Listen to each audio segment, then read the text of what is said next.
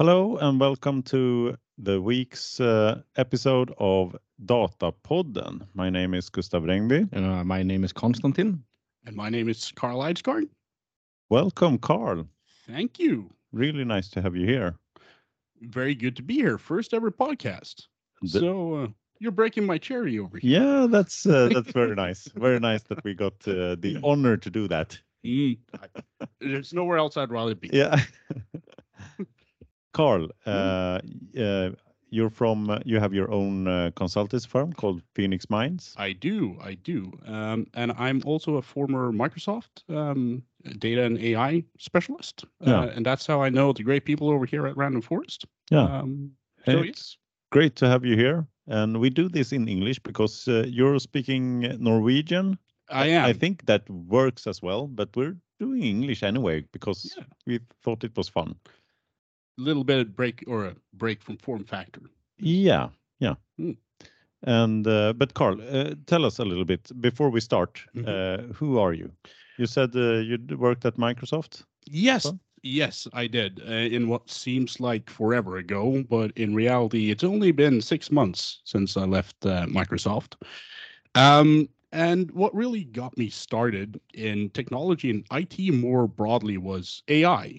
Um, so when ChatGPT law or dropped like a bomb uh, last November, uh, I started thinking, uh, you know, as someone that's been in the AI community for for a while and and sort of followed all of the uh, developments that's happened in the last decade or so, um, it got me thinking, where would my skill sets and and where would they be best utilized? Right? Would they be best utilized within big tech or outside of it? And for the first six months, um, it did look like sort of within big tech would be where this or my contribution, my skill sets would be best utilized.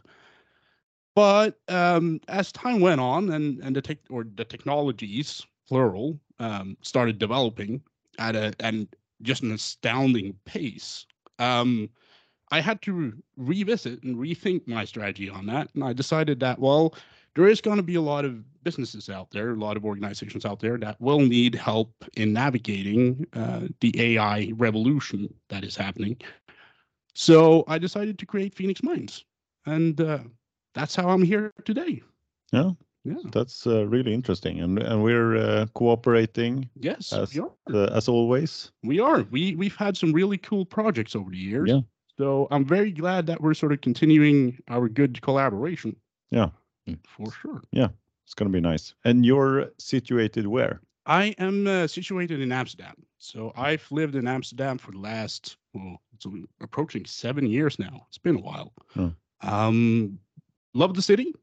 Uh, Hmm. absolutely, I highly recommend to visit.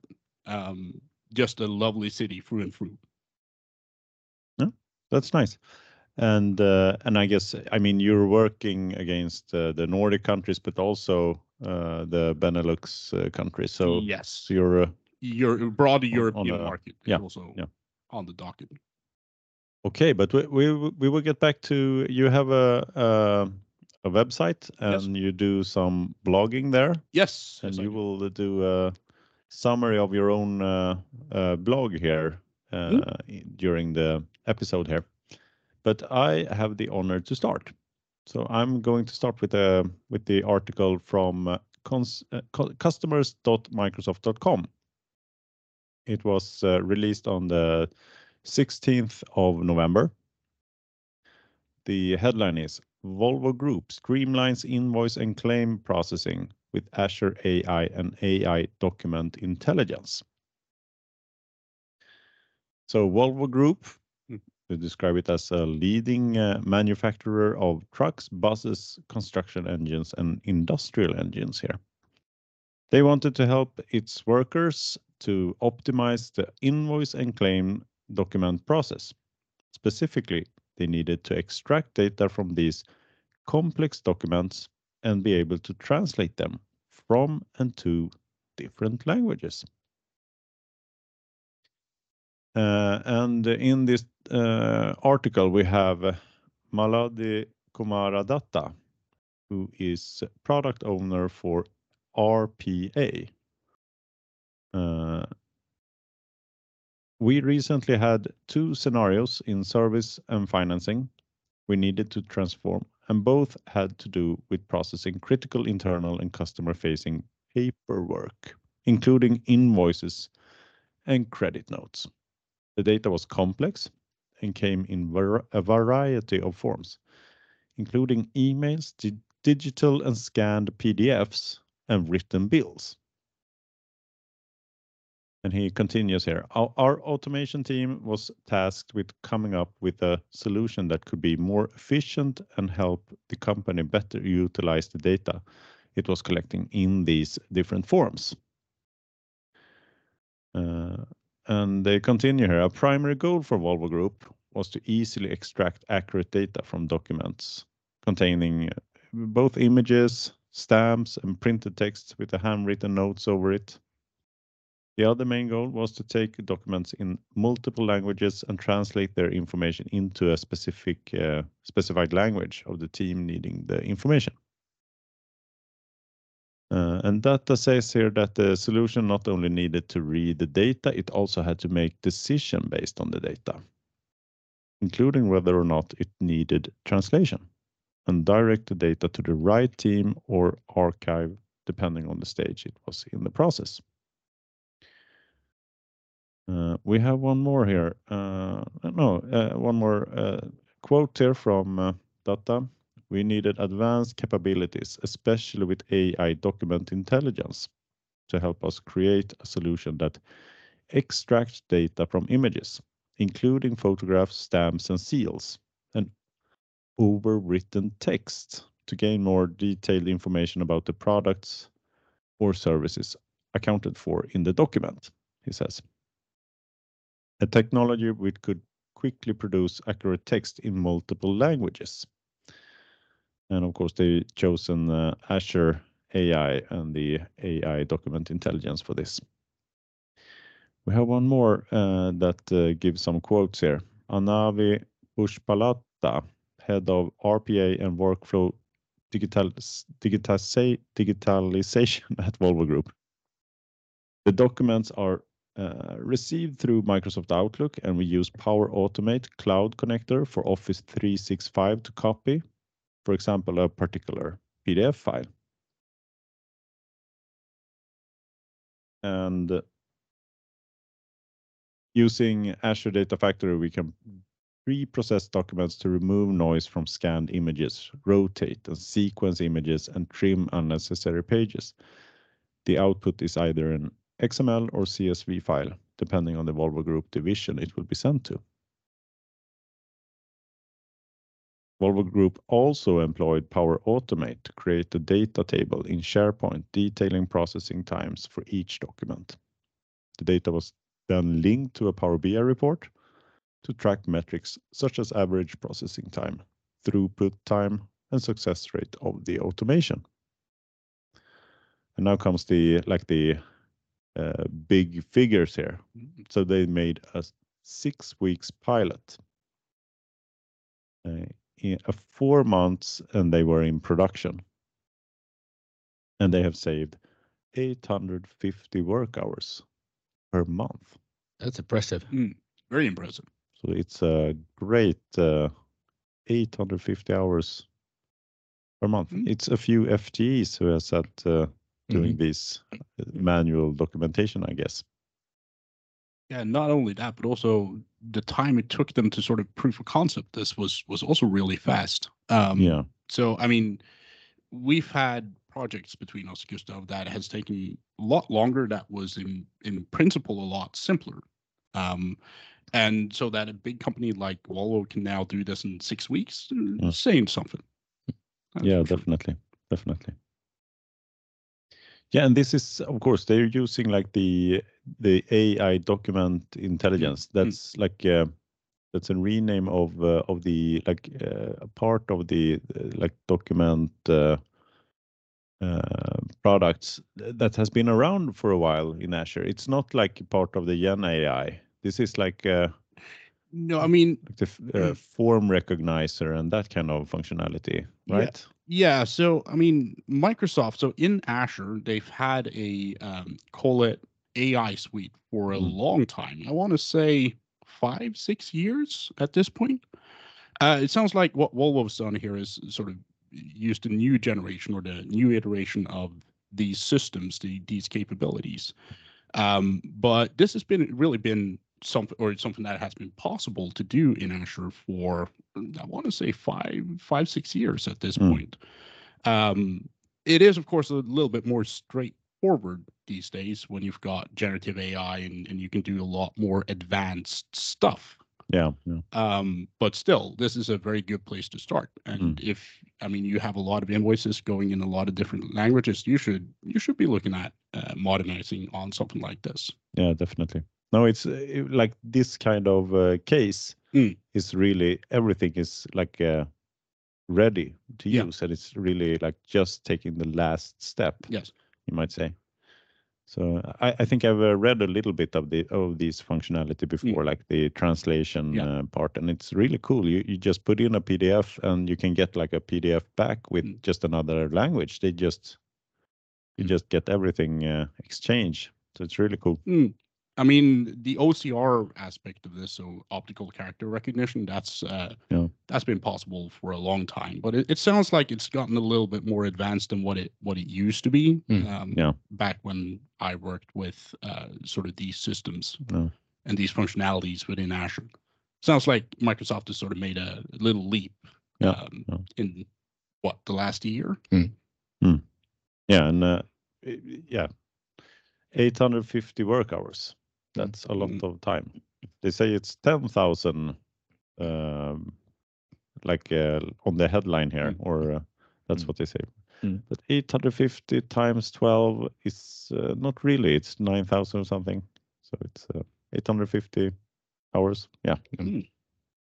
Uh, but the, this is, um, I mean, we're usually working in data and analytics, Mhm. and this is RPA. Yes. It's similar. It's very close, but it's there. There's some uh, like uh, differences.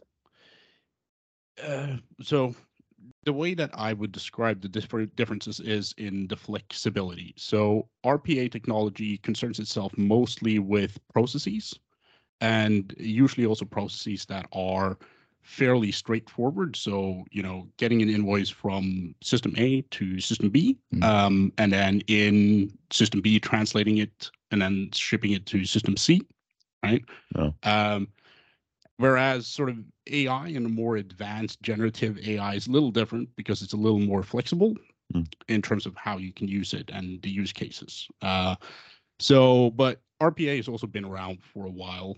Um, so I think probably the first companies started popping up around 2013, 2014.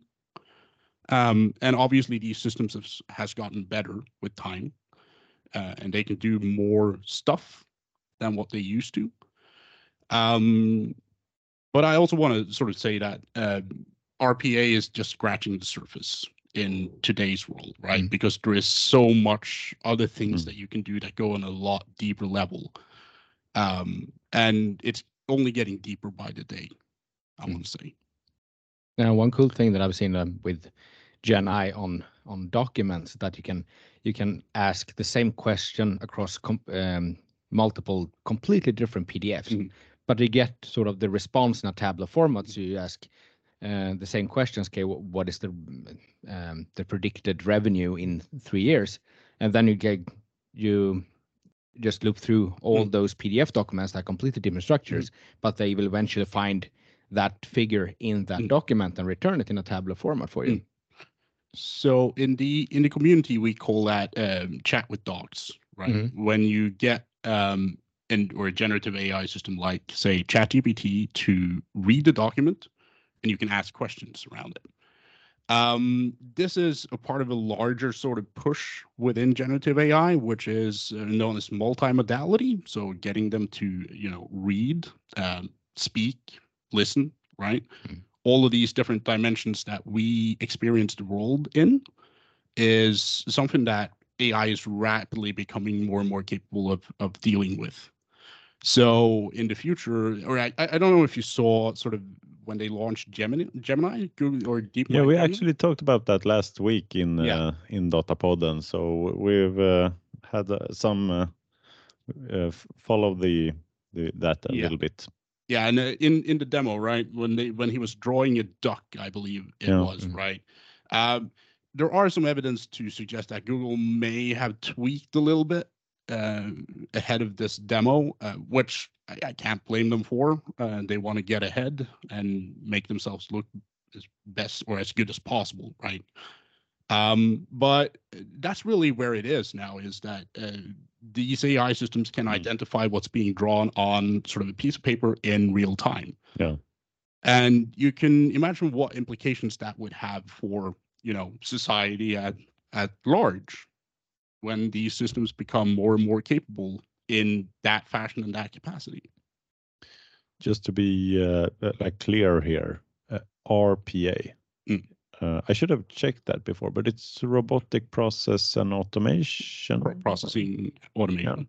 Yeah. Right. Right.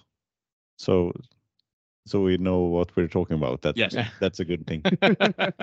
no, I, I think uh, I mean um, it is. Uh, it, I, I think that's a good uh, like definition. It's a Mm. more operational like uh, automation, Mm, while uh, analytics. I mean, we both are in the fringes of using like uh, you know you have all the business systems. Mm.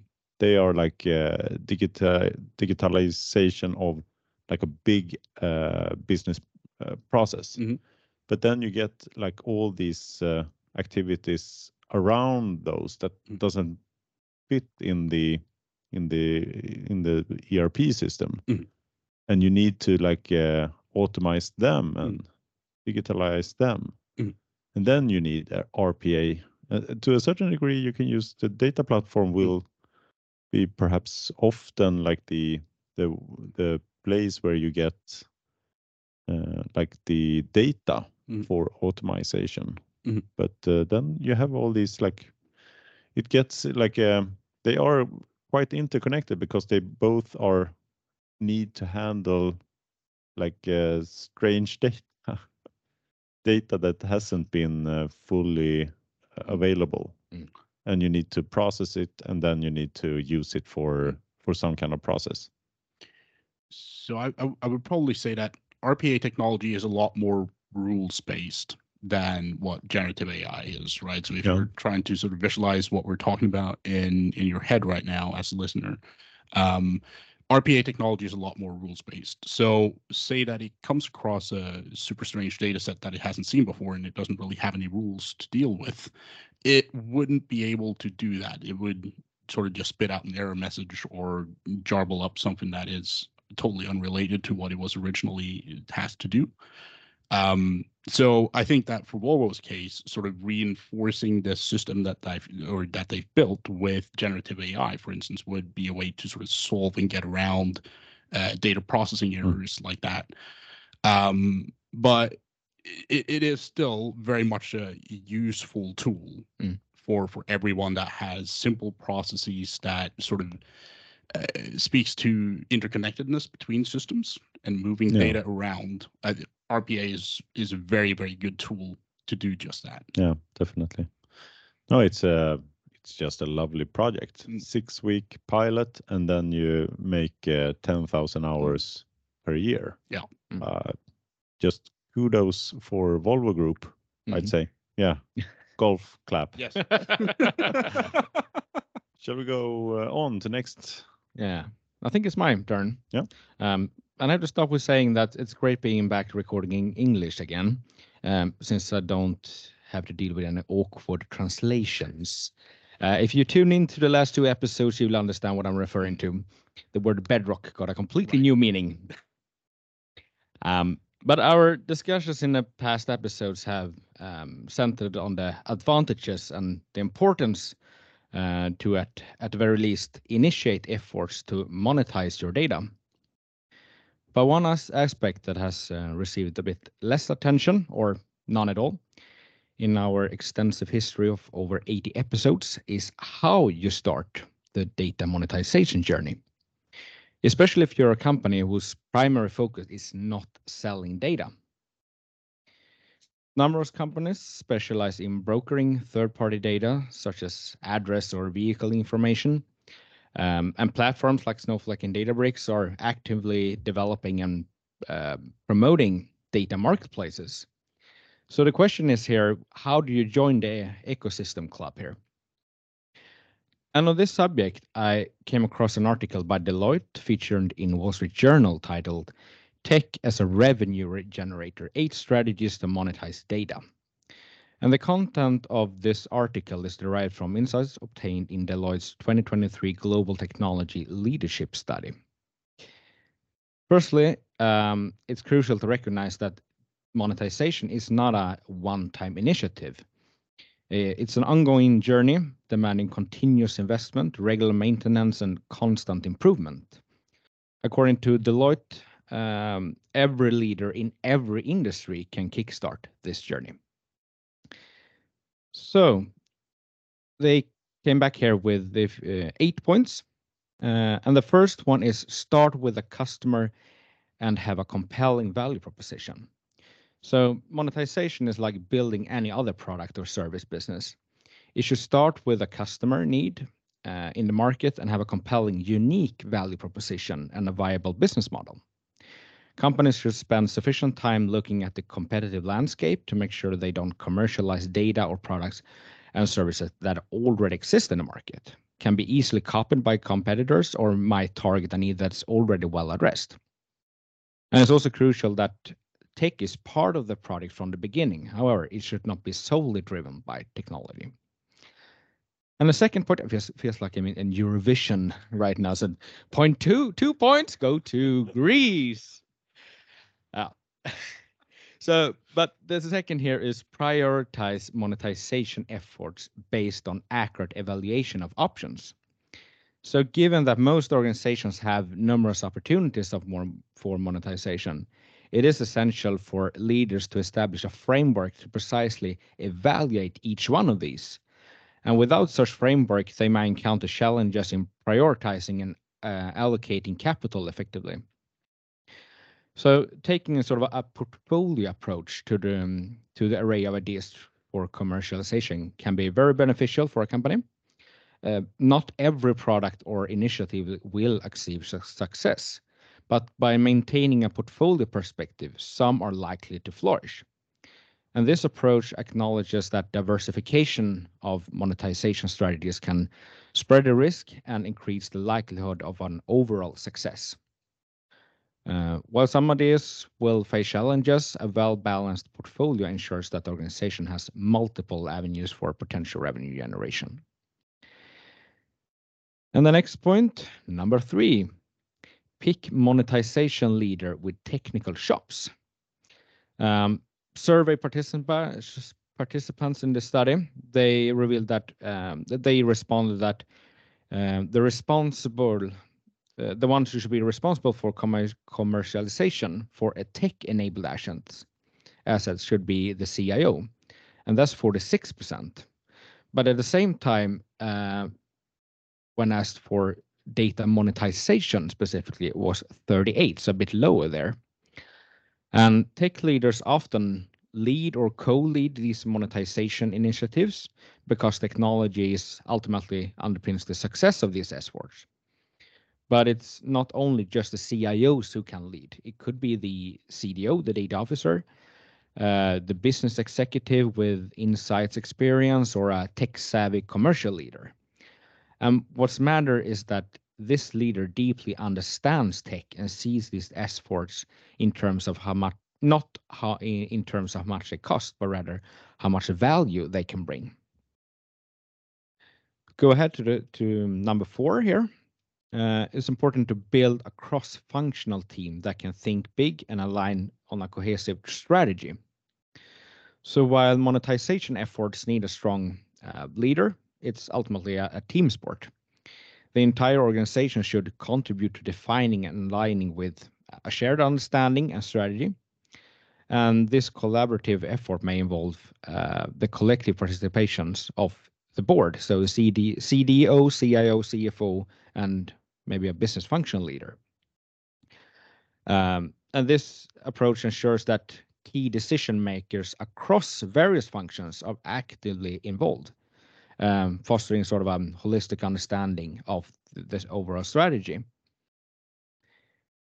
Um, number five, think of your organization as the first customer, not the only customer. So the potential applications of your data or technology may exist beyond the scope envisioned by your team.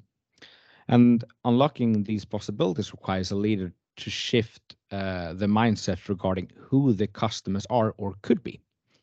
So uh, in in the article here, they take, for example, uh, an example from Ally, um, the American the American bank.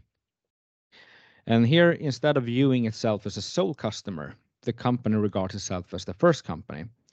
By initially leveraging technology to enhance internal efficiencies, Ally extends its software services to other businesses as well, creating additional revenue stream. Um, and this perspective underscores the idea that utility of your innovations may transcend uh, transcend internal use and offer valuable solutions to a broader market. And then number six, don't confine yourself with the industry you're in. Um, simply because you are a finance services company doesn't limit the, the potential for your technology and data to a specific sector. Um, in the study here, uh, one financial services firm redefined itself uh, beyond offering retail financing only. So it positioned itself as a versatile platform business, extending services to other brands. So they they found out they had like okay, we do payments, we do insurances, uh, and then you can also offer these these other companies uh, your your your data, but you can also mutually take advantage of what they have because you have sort of the same functions internally within within your your own company. And number seven here is create a robust oversight and feedback loops. Uh, monetization efforts can fail because it takes too long or costly or sometimes feels like a science experiment. Um, and one way to overcome these roadblocks uh, is with a robust decision structure that defines success measures and allows for quick decision makings. Um, and it could be as simple as weekly stand-ups or or follow-up meetings. Um, so they give an example of a company uh, that that slashed the development time from average of three years to just nine months by sort of setting up a, a proper structure for for feedback loops. And the last one, consider the many facets of monetization. Um, and I, I kind of always when you have these not eight points, 10 points, seven points, you can always remove at least one of them because they shouldn't really be there. They would just add it because it should be an even number. Um, I'm waiting for the 12 points. That's the highest one. right? That, that's going to be a really long podcast. So. Yeah. yeah. No, but but consider the many phases of monetization. It's rather about okay, you you build these structures for handling data. And because you sell the data, you have an external customer that actually pays for as, as a service. You need sort of you build a more robust organization and uh, more people from more departments are involved in it. So, and that will sort of decrease the overall um, competence of handling and working with data that will allow you to do even more um, uh, greater stuff internally within the company. Mm. Yeah. Interesting. Mm. Uh, this, uh, like uh, the uh, monetization of uh, of data. Mm. I, I I get very like um, wondering about how often it is that people has done this does uh... I mean, being a data broker is probably one of the most profitable business ventures you can partake in in today's environment. So I'm I'm pretty yeah. sure that sort of selling data. So, so I, I, I don't know how that works in practice. Um, I mean, obviously, we do have the scandals like Cambridge Analytica. Right. Uh, yeah. But uh, isn't like could I, this is pure speculation, Mm. but like um the stock market, like Mm. Nasdaq and New York Stock Exchange, they should be like one of the the pioneers between of data sharing in in some way. So uh, the way that I understand it is that data brokers work in isolation for the most part. So I Mm. haven't seen any public data exchanges. And I mean, if they don't exist, that would be a great business idea. Uh, you know, first first come first serve, I guess, in in that sense. But I I, I don't think I've seen any uh, data exchanges like that where you can go go in or log on and broker your data sets and sell them in real time. I, I don't think I've seen that, but then again, I might be totally wrong in in that. No, I think uh, uh, doesn't Snowflake have That's one of them. like that? Uh, and also Uh, Databricks Databricks marketplace. also. So you can Yeah. you can go and publish your data set Right. Okay. and and sell. Makes uh, sense. yeah. Okay, that makes a lot more sense. That sort of um, the big uh, software vendors in the Mhm. analytics space have that functionality Mm. um, because we, we do know that there is a lot of lot of data out there, uh, so it, it must hit the marketplace in some way, shape, or form. Um, and I do want to say that in sort of the age of AI, Mm. um, data is more valuable than ever, Mm. right? Mm. Because uh, training systems like ChatGPT requires enormous amounts of, cha- of, of data. Mm. So I want to say that the demand for data at the moment is is probably very very high. Mm. But on the flip side of that, uh, it's also the aspect that AIs are now generating synthetic data, and you Mm. can also generate synthetic data yourself. So I do sort of see it as a very or as a possibility that the supply side will catch up to the demand side, and data will become very very cheap in the next few years. Mm. Definitely a possibility that I see.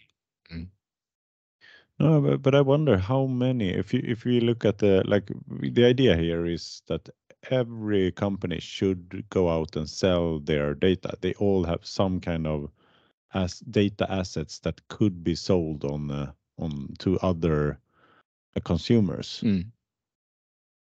But how many have done it? We, we talked about Telia last Yeah. uh, week. Mm. Telia has the But, like uh, selling some data. Yeah, but I it- think it's it's it's more common that you think because if you make sort of a um a a, a business deal with with like a, a customer, yeah, then as part of that agreement, you should supply them with data of uh, their consumption or something. They need to give some feedback, yeah, like how much have we sold this quarter uh, to be delivered next month, or how much this was sold in these in the respective channel or something. So I, I think it's quite quite usual that data exchange is is uh, is used. yeah. But this But the monetization isn't that that you're selling it uh, like like its own product, not just like part of a contract of other like uh, physical products or other type of products. That's true as a standalone product, but that's more like bundling if you Yeah. see it as a as a that's product. part of your like uh, the the product that you're or service that you Mm. sell. So- that must be even more. I, that as you say that that is much more more common. Mm. it's much harder to perhaps uh, start with the actual data monetization for like a third party product uh, or in some way. Yeah. So, so the way that I read that article Mm. um, was, it's not so much about monetization; it's about commercialization of data. And what they're essentially saying, the way I I understand it, is that you've got two main avenues, right? So you've got the outright selling of the data, Mhm. right? And then you have commercializing it by utilizing that value or that data to create more value internally or uh, value related to your products. Mm. Um, I mean, if I was a business ex- executive, which I now am, um, I would probably focus more on figuring out how to use my data to make my products and services better. Mm. Uh, because that's easier and also, a little little bit more ethical. Mm. I would say um, it shouldn't be a race to the bottom in terms of pumping out mm, the most data sets, right? I'm I'm not a big fan of that as a general whole, but utilizing your data to try and figure out how to improve your own service offering or your own products, mm, I think that's the way to go. And Mm. then if that fails and you don't find any value in in in your data sets, which I would find very hard to believe, give me a call if you if you struggle. Um, but if you if you fail to do that, then you can, you know start considering selling it outright. Yeah. Mm. Yeah, I guess you have to do that uh, like a calculation. If I sell this and my uh, competitor is buying my data, will they be a harder competitor then? Should I do it then? Ooh. Or uh, is it better to hold on if my competitor buys it? It needs to be some kind of data that is not at least giving your competitors an edge against you. Then it's a bad uh, uh, deal for yourself, I guess. I mean, I didn't even think about that, but that's a that's a strategic sort of thing that you need to think about before you start selling your data. That's for Mm. sure. Uh, because I mean, if your if your competitor can just snap up data sets about your products and how that's uh, performing in the marketplace, right? Um, then he can probably he or she can probably use that data to sort of figure out uh, how they're going to uh, improve their products, Oh. right? And then immediately they gain that competitive edge.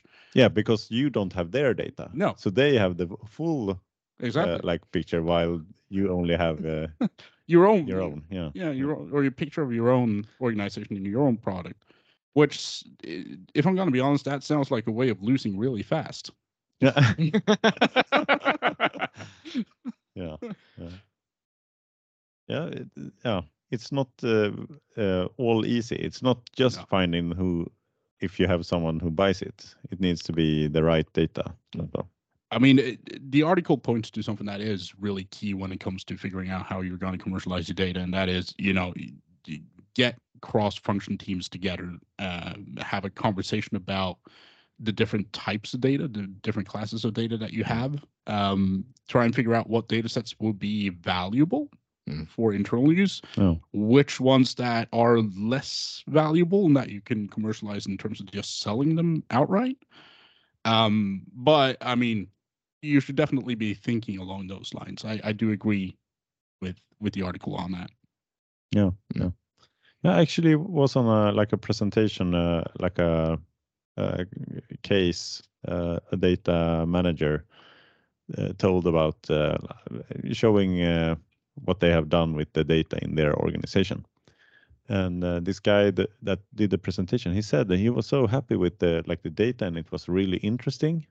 So he wanted to put put it up for sale. I think they were running on Snowflake, so it would be really easy to just share it and see if someone was uh, uh, would uh, like to buy it and Mm. it was like consumer behavior in a way that it wouldn't be uh, actually it wouldn't be any danger in that way for Mm. them in or for the consumers.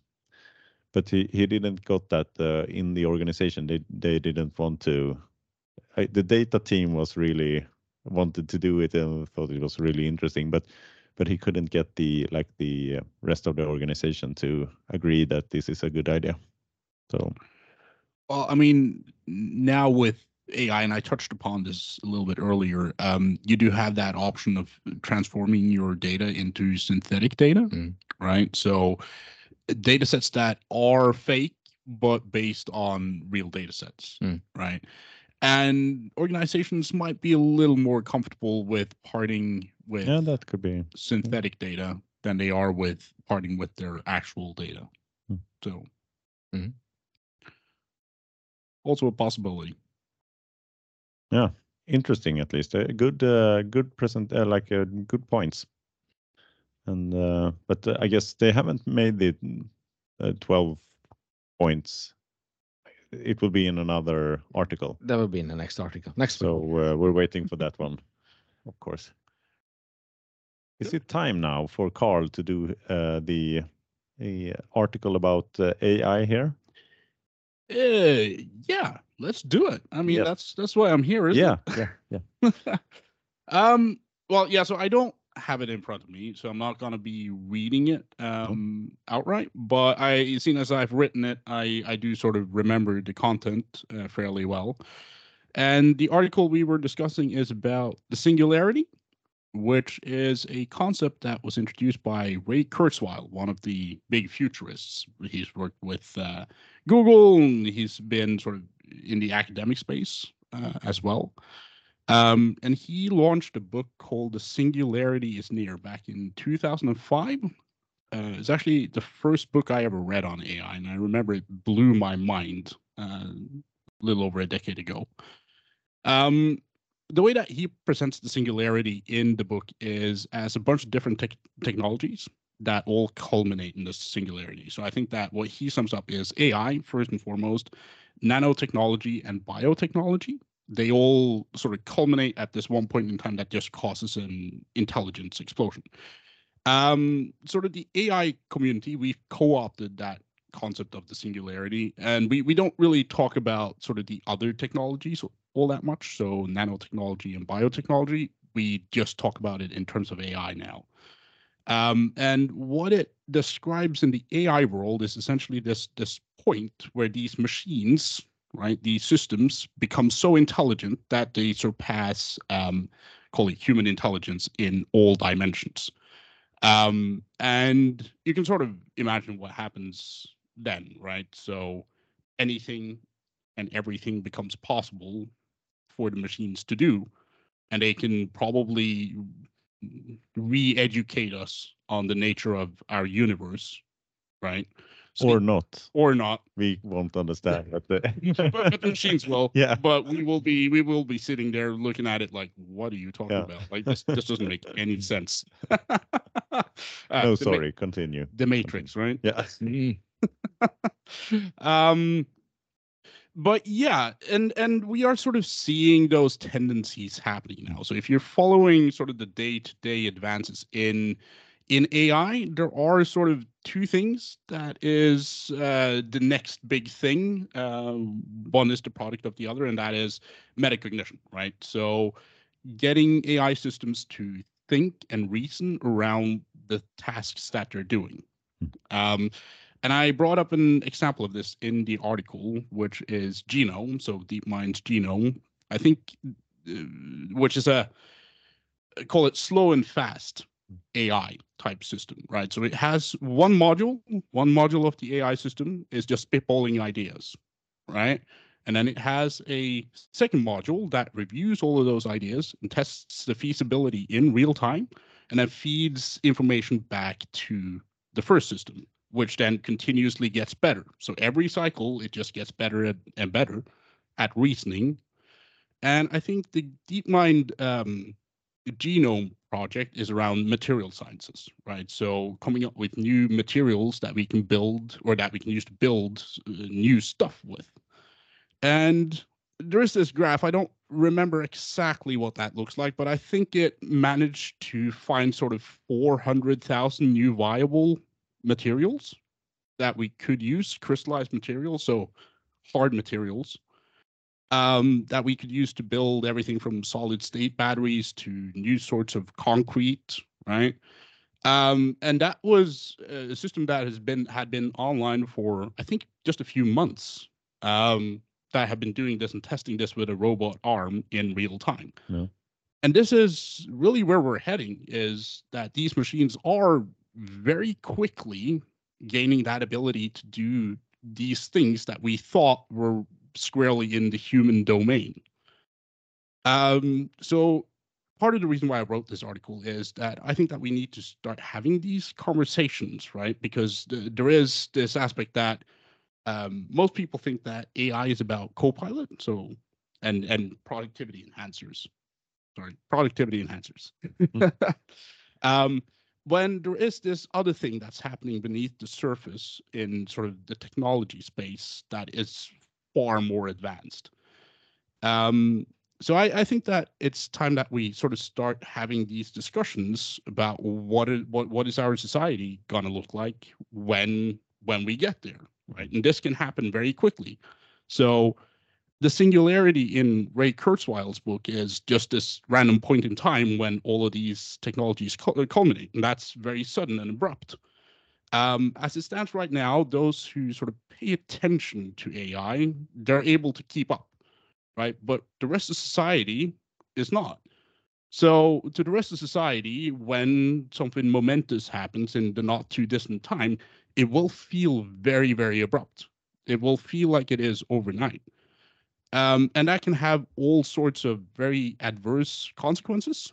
Um, stuff like mass or mass job loss would be one of the the big ones. So part of the reason why I wrote the article is, you know, I want to highlight or highlight this, right? Just mm. say, hey, warn warn people. Um, and the second is that I think that we we do need to start having conversations around the implications of advanced AI systems more broadly. Yeah, yeah, yeah. I guess it's uh, like the singularity comes, and it means that uh, like the human won't be needed that much for production in a certain way. Well, so the way that I look at it is that um, humans will probably move more and more into the space of quality control rather than mm. than actually be hands-on uh, call it product development or or product manufacturing or services um, manufacturing right um, and and that's what it will look like initially until we hit AGI or artificial general intelligence so essentially a system that can take a prompt so i'm so when I'm talking about AGI, I'm still assuming that it will work off a prompt so that it, it hasn't gotten to the point where it is um, self-conscious. Right, right, And can start doing stuff itself. But that's AGI. AGI. Then it has self. No. Well, no? so so what's happened in the AI community is that we we we've redefined it, right? So if you read the literature from uh, 10 years ago or mm. 2005 literature, um, AGI would be resembling something that is, is or autonomous thinking, right? It's self-conscious. It it has those properties uh, that a human would have when it comes to sort of agency over itself. Uh, that's not entirely how we're envisioning it anymore. So we're sort of assuming that it will still work off prompts, so that it needs an instruction to start doing something. Um, but the scope of what it can do within that prompt will become much more extreme, right? So imagine a system that could not only build an application, but an entire IT infrastructure and an entire or all of the infrastructure that goes into the application just by giving it a simple prompt and describing what you want the application to do. Uh, we would sort of call that artificial general intelligence because it is doing that along the same dimensions as humans would. Mm. But the key difference is that sort of it's still a human in control in the sense that uh, a human has initiated the prompt or written the hmm. prompt in. Mm. So I, I think that uh, I think that we will probably be there within the next 18 months based off of the trends that I'm seeing right now. Mm. So I think, but, but is the prompt is sort of a, a guardrail or something, or is it? Uh, well, no, it's uh, well, yes, and also because it doesn't have that uh, call it autonomy or self consciousness. No, it can't start doing things by itself. Like it, no, it, it doesn't it, have any motivation. I mean, uh, the motivation is in the human still. Yes. Yes. But then you need the self, yeah, but, but the consciousness. if you need, if you want motivation in some certain way. Well, so um, you can look at it like this, right? So uh, because the machine doesn't have self consciousness, it also can't, or it doesn't have autonomy to start doing things on its on its own. Mm. At least this is how we envision it. We don't know if this is correct. It could be that sort of this just happens as a product of mass data and, and really really advanced neural networks, and that would be really dangerous, right? That's uh, you know Jarvis or uh, th- that Avengers movie Ultron mm. from the Adventures. Like mm. that, I'm very uncomfortable with that idea. But insofar as it doesn't have that ability, so long as it's a human that's still or that's making the prompt or instructing right the the model the hmm. ai system to do something i would be much more comfortable with that even though sort of the risk also goes up right so say that a bioterrorist organization has access to one of these systems um, and want to engineer a virus, right? And there is no guardrail on the model itself and the, and the system, right? That is also really dangerous. So we we do need to start having some some conversations, and I do feel like the legislation on this is taking really long time. Yeah, especially if it's in 18 months, we have the AGI. Yeah. Um, so that's based off of what I'm seeing in Yeah. this space. Um, some are far more aggressive in their predictions than Mm. I am. So some are saying uh, sort of September next year and even specifies the month. Right. Uh, I'm not going to commit to that, but I do I do see it as possible that we could be there within the the next 18 months. Mm. It's highly possible. Just based off of uh, I guess the the advances as they're Mm. happening or Mm. occurring right now. Mm. But what would we be able to do then that you're not being able to do today? Is like getting um, doing it what we do today with with Gen AI and prompting just better, or can we do something completely new? Um, I want to say that you can probably do something completely new, and this ties into a pro. So for the nerds out there, um, P versus NP, um, which is a computer science term for sort of complex or complexity. Um, if P equals NP, then anything can be done, right? Uh, but we live in a world where we assume that P is in e- or unequal to NP read up on it. It's it's very it's very abstract, Mm. very abstract sort of concept, but it boils down to, the, the, or the for the purposes of this conversation anyway, is is there a problem that a machine cannot solve in human time, right? So, um, is does there exist a problem that cannot be solved in mm, a matter of uh, hours or weeks, or or something that is tangible to us as humans? Um, and and that is it is a possibility that p equals np and that that would just change our entire world more or less overnight. But i'm still gonna assume that p is unequal to np right? So that there are some problems that a machine cannot solve uh, and i want to see sort of the i, I want to see it before i believe it. Yeah. um, but, but if there are problems that, if they can solve problems that machines can you not solve, well, but but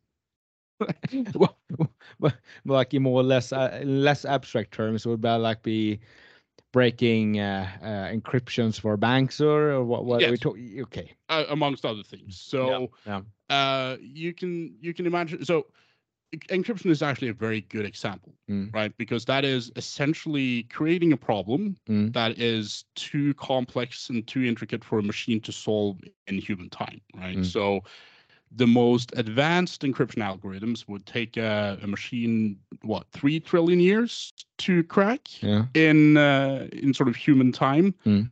That means that by the time it's cracked, like most of us will be gone anyway. So you know, it's no of no consequence to us. Most of you, perhaps. Mm. I'm planning on staying alive. Ah, I like For I very like the long. spirit. um, but yeah, you, you, you can sort of imagine what happens if an AI comes up with a way to crack these uh, encryption algorithms Mm.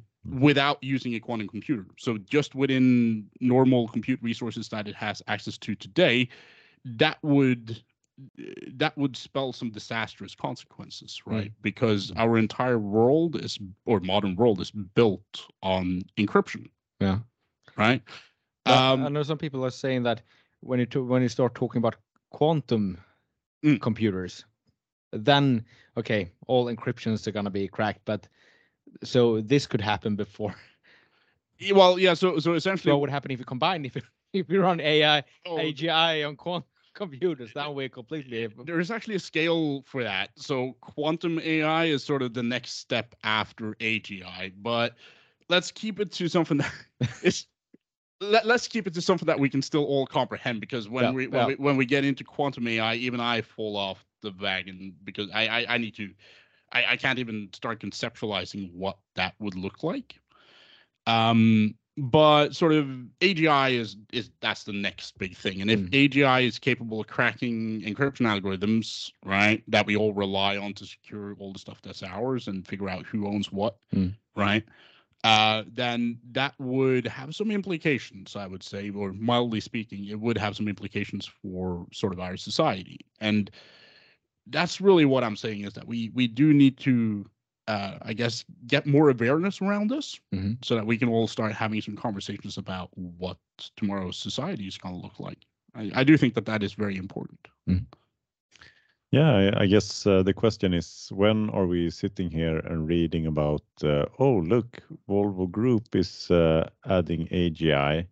Now they only need 850 hours of uh, of human hours per per month. Rest is done by the AI.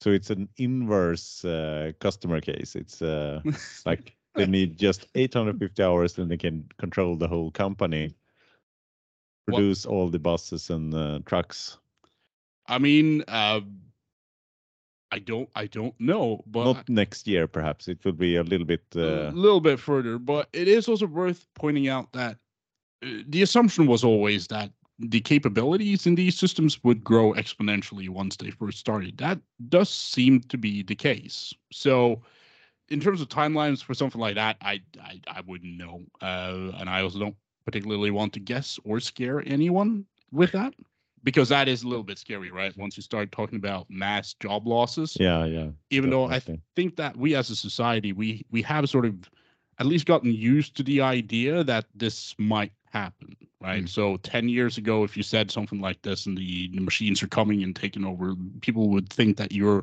that you're insane um yeah it's crazy how how fast uh, our like uh, works are disappearing Mm. different uh, professionals are like just well that profession is not uh, Yeah. anymore Mm. just 20 years ago it was totally different what you were working for and Mm. store exactly and and that's where i think sort of um specific roles will probably go away but the human element of running a business should very much persist in my opinion because um we so having a diversity of thought within an organization is probably the thing that makes it the strongest right and if you could take uh, employees or people that do something specific today and put them into a more generalized sort of framework for operation, I think that's the way to go. And that would also soften the blow on governments, which would have to sort of uh, do a complete 180 in terms of how they operate and, and distribute wealth to people. Hmm. So uh, even though the technology is moving really quickly, sort of that doesn't necessarily need to mean that everyone must be fired, right? Uh, Right. I think that's a terrible way of going about Mm. it. I think those Foodora guys on the scooters, they are here to stay forever. There's always going to be people, and people need to eat, and people are lazy. Unless the Amazon drones comes around. Uh, I, I think they're trying that out in some big cities in the United States, okay where from the fulfill or the Amazon fulfillment center they got drones right. that fly stuff. oh yeah, I was I think I see that.